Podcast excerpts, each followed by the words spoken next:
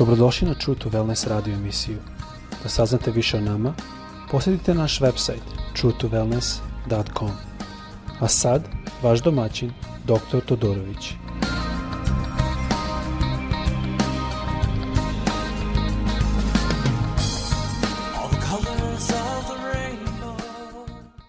Dobrodošli na naš podcast. Ehm, ja radim ovo iz Floride.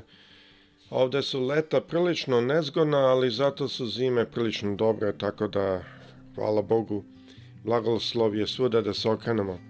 E, trenutno Florida kao i većinu Amerike gori, a COVID trenutno, barem dok ovo snimam, e, je prilično jak. Ovde mi imamo preko 200.000 slučajeva svaki dan.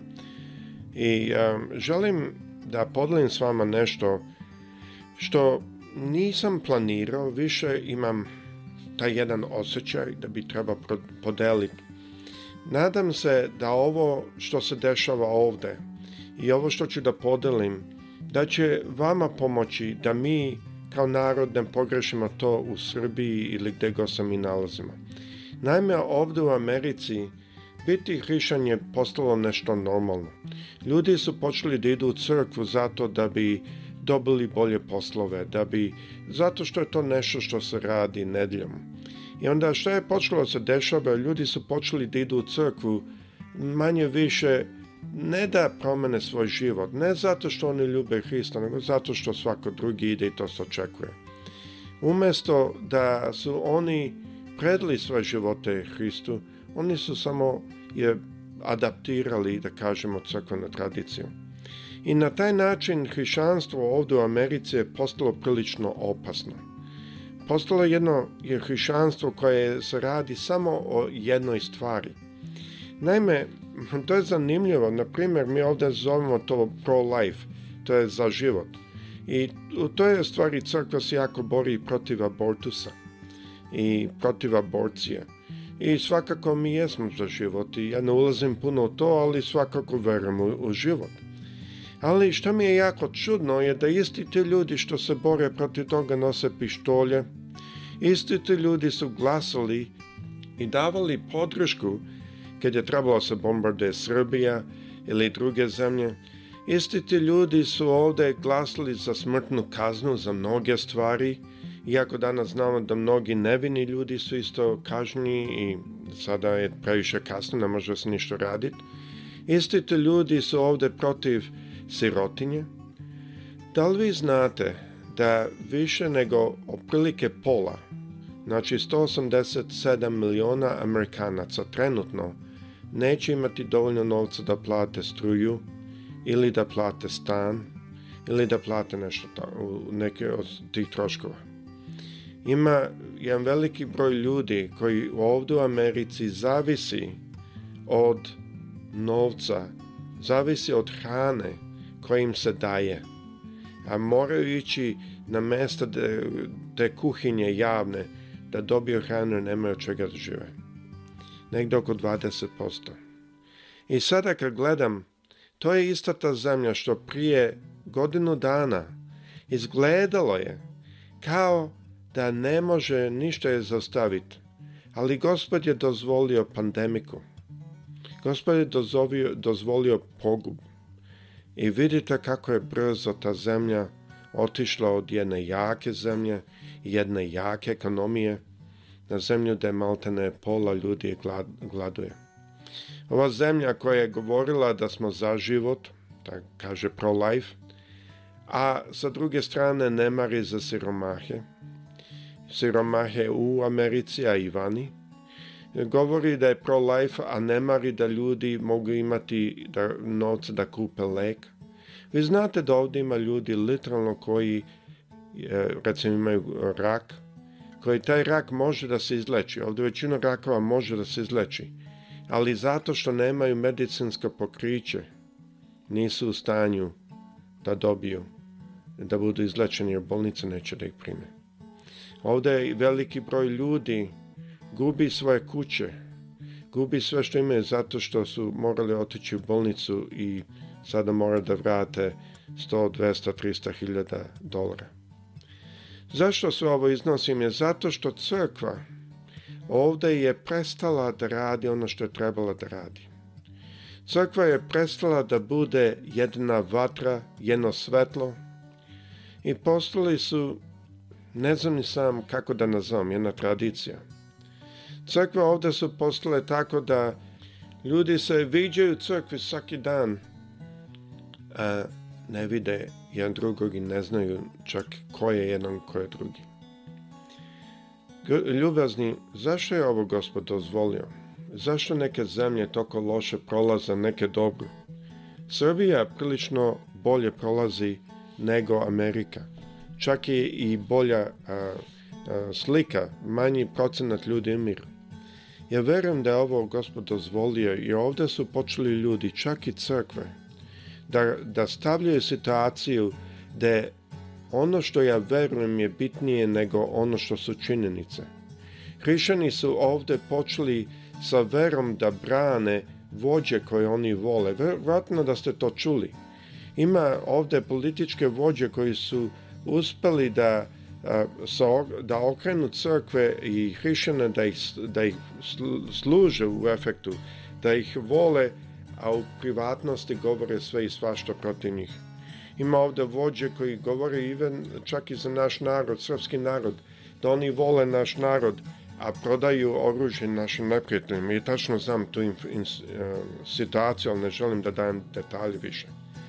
Ali morate shvatiti, šta se ovde dešava i što mi moramo jako paziti je da ne, nođe, ne dođemo na taj stepen ponositosti, na taj stepen da naše mišljenja i naše razmišljenja postanu važnija nego činjenice i zdrav razum što nam je dao Bog. Mi moramo znati da moramo otići nazad na ono što je Isus rekao. I želim baš da pročitam ovaj stih je tako drag meni nisam planirao ovu celu stvar, ali mislim da zaista moramo razmišljati o tome. Jer sud Boži post, počinje sa crkvom. Mi moramo paziti da naša crkva i naše lično življenje bude u ljubavi Hristovoj, da mi podržavamo jedan drugog, da mi podižemo jedan drugog. Znate da ovde čak ova pandemika više udara ljude koji se ponašaju kao te tradicionalne crkve. Oni su odbili da je to zaista ist, istina, da ta bolest je Počeli su zato što neki su ljudi rekli da ta bolest nije istina, Počeli su sa verom da razmatraju ljude, a ne sa razumom. Mi moramo sa verom Bogu prilaziti. Ali ako mi počnemo da držimo što ljudi kažu kao versko pitanje, onda ti ljudi postanu nama kult onda oni postanu naše duhovne vođe, a mi imamo jednog duhovnog vođu. Ajmo da pročitamo šta je taj duhovni vođa nama rekao. U Mateju 25. glava 34. stih Isus kaže, tada će reći car onima što mu stoje s desne strane, hodite blagosloveni oca mog, primite carstvo koje vam je pripravljeno od postanja sveta. I onda šta kaže od Isus? Pazimo na ovo. Jer ogled i dasta mi da jedam. Ožadnjeh i napojista me, gost eh, bijah i primista me. Ima tako dalje, možemo ići ćemo malo kasnije. Ali razumite što ovde kaže? Ova crkva ovde u Americi je pala na svakom od jednom od ovih situacija. Mi više ne brinemo se eh, da, da nahranimo narod. Neki tu i tamo, ali vrlo malo. Ne, mi ne pazimo da damo i da pomognemo onima koji su žedni. To ima više značenje, ne znači samo za vodu. Kada ovde kaže gost bijah, da kaže na engleskom stranger, to znači tuđin ili neko koji dolazi iz druge zemlje. Ovde mi sada gradimo ograde da ne bi mogli da dođu, da ne mogu pobeći i da ući ovde. Zašto? Oni podržavaju našu ekonomiju. Mi trebamo da ih ljubimo, mi trebamo da pomažemo ljudi kada beže za svoje živote, mi trebamo ih pri, prihvatiti. To je hrišanski stav. Ali naša crkva ovdje u Americi i nadam se da vaša u Srbiji, ako koji od vas ste u Srbiji, da nije tako. Ali ovde crkva u Americi je postala politička stranka odrekli su se ovih stvari, počeli su da rade samo na jedno stvari na, što se tiče abortusa i to nije loše da mi pomažemo, ali oni ne pomažu nikom, oni samo političari oko toga. Zašto nas Isus upućuje u ovo? Zašto on daje ovo kao kriteriju, da on kaže da je otac dozvolio njima da idu u raj, to jest u njegovo carstvo koje je pripremljeno za njih i onda kriterije što je dana je da su dali hranu onima koji su bili gladni da su napojili one koji su žedni, da su ugostili one koji su bili a, stranci. Kaže kasnije 36. stih, go i odenuste me. Ovde vidimo šta u stvari je funkcija crkve. Šta je funkcija je da mi sada smo svetlo. Danas u ovo doba jer ne znam da li vi znate, ali ovdje kod nas ima puno ljudi koji bijaju svoje familije, koji literalno poluđuju jer ne mogu da izađu, ne mogu u disko da odu, ne mogu i prosto ne znaju što da rade.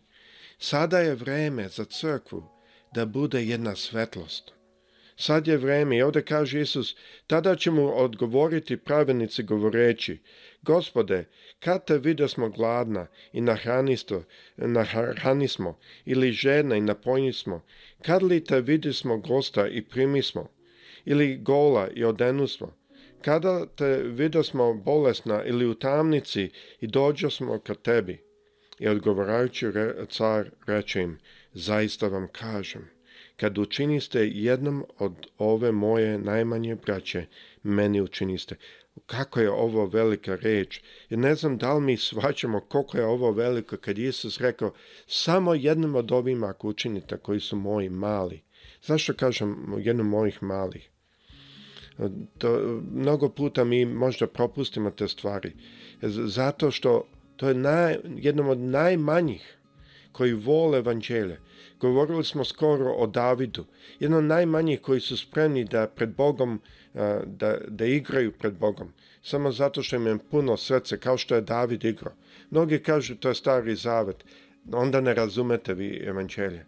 Ne razumete evanđelje, stari zavet e, se ispunjava u novom zakonu i u novom zavetu on ne bude uništen, on se ispuni, on se dovede još, još precizniji da bude, da naše srca se menja, ne samo spoljašnost, ne samo sa spolja.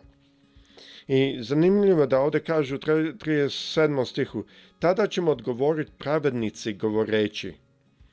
Znači, ovi ljudi što su ovo radili, ovi ljudi što su primljeni u carstvo, Isus ih nazava, naziva pravednike. Mi ne znamo kako su oni živjeli u drugim stvarima. Mi ne znamo da oni nisu imali greške i navike, mi ne znamo da oni nisu imali, ali mi znamo da su oni bili predati reči Božoj i da su oni bili spremni da, nago, da napoje, da nahrane, da ugoste, samo zato što neko pripada evanđelju. Oni su toliko volili evanđelje da su bili spremni to raditi. Ne znam da li ovo svačate ljubazni, ali jako je bitno da shvatimo da reč Božja nas upućuje kad jednom životu da mi cenimo ono srce što voli Boga. Da mi odemo sa jednog stepena da gledamo i prosuđujemo nečije dela i kažemo taj je dobar i taj nije dobar, iako reč Božja kaže ne sudi, da ti se ne sudi, a mi to ono udobno zaboravimo i umesto počnemo postojati sudije loših misla.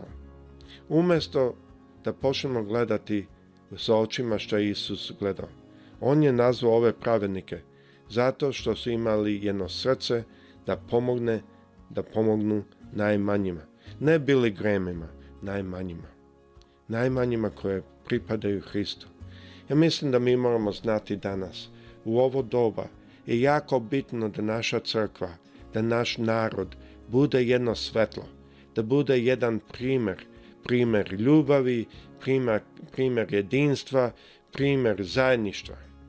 I verujem da ako mi to budemo i znam da će biti probude, da će biti narod koji će dolaziti u naše crkve. Zašto? Zato što svako želi biti u tome, zato što je mir u takvom domu. Mnogo puta naši crkveni domovi postanu previše religiozni, previše e, legalistični, i onda to zatvori vrata za nove. Zato ja verujem i nadam se i moja molitva je da ove muke ove godine, ova je bila teška godina za mnoge, a da ove muke će dovesti da će naša crkva da raste, da dolazi proleće sa novom kišom koja će da počne da poliva našu crkvu i naš narod, da će drugi dolaziti i obraćivati se i postati deo Božeg naroda. Želim da vas Gospod blagoslovi, Gospod sa svima nama. Prijetno.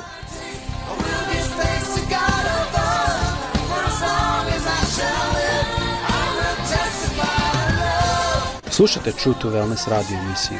Pridružite nam se ponovo svaki utorak, četvrtak i subotu. Za kontakt molimo posjetite naš website truetowellness.com. Naša e-mail adresa je info at truetowellness.com.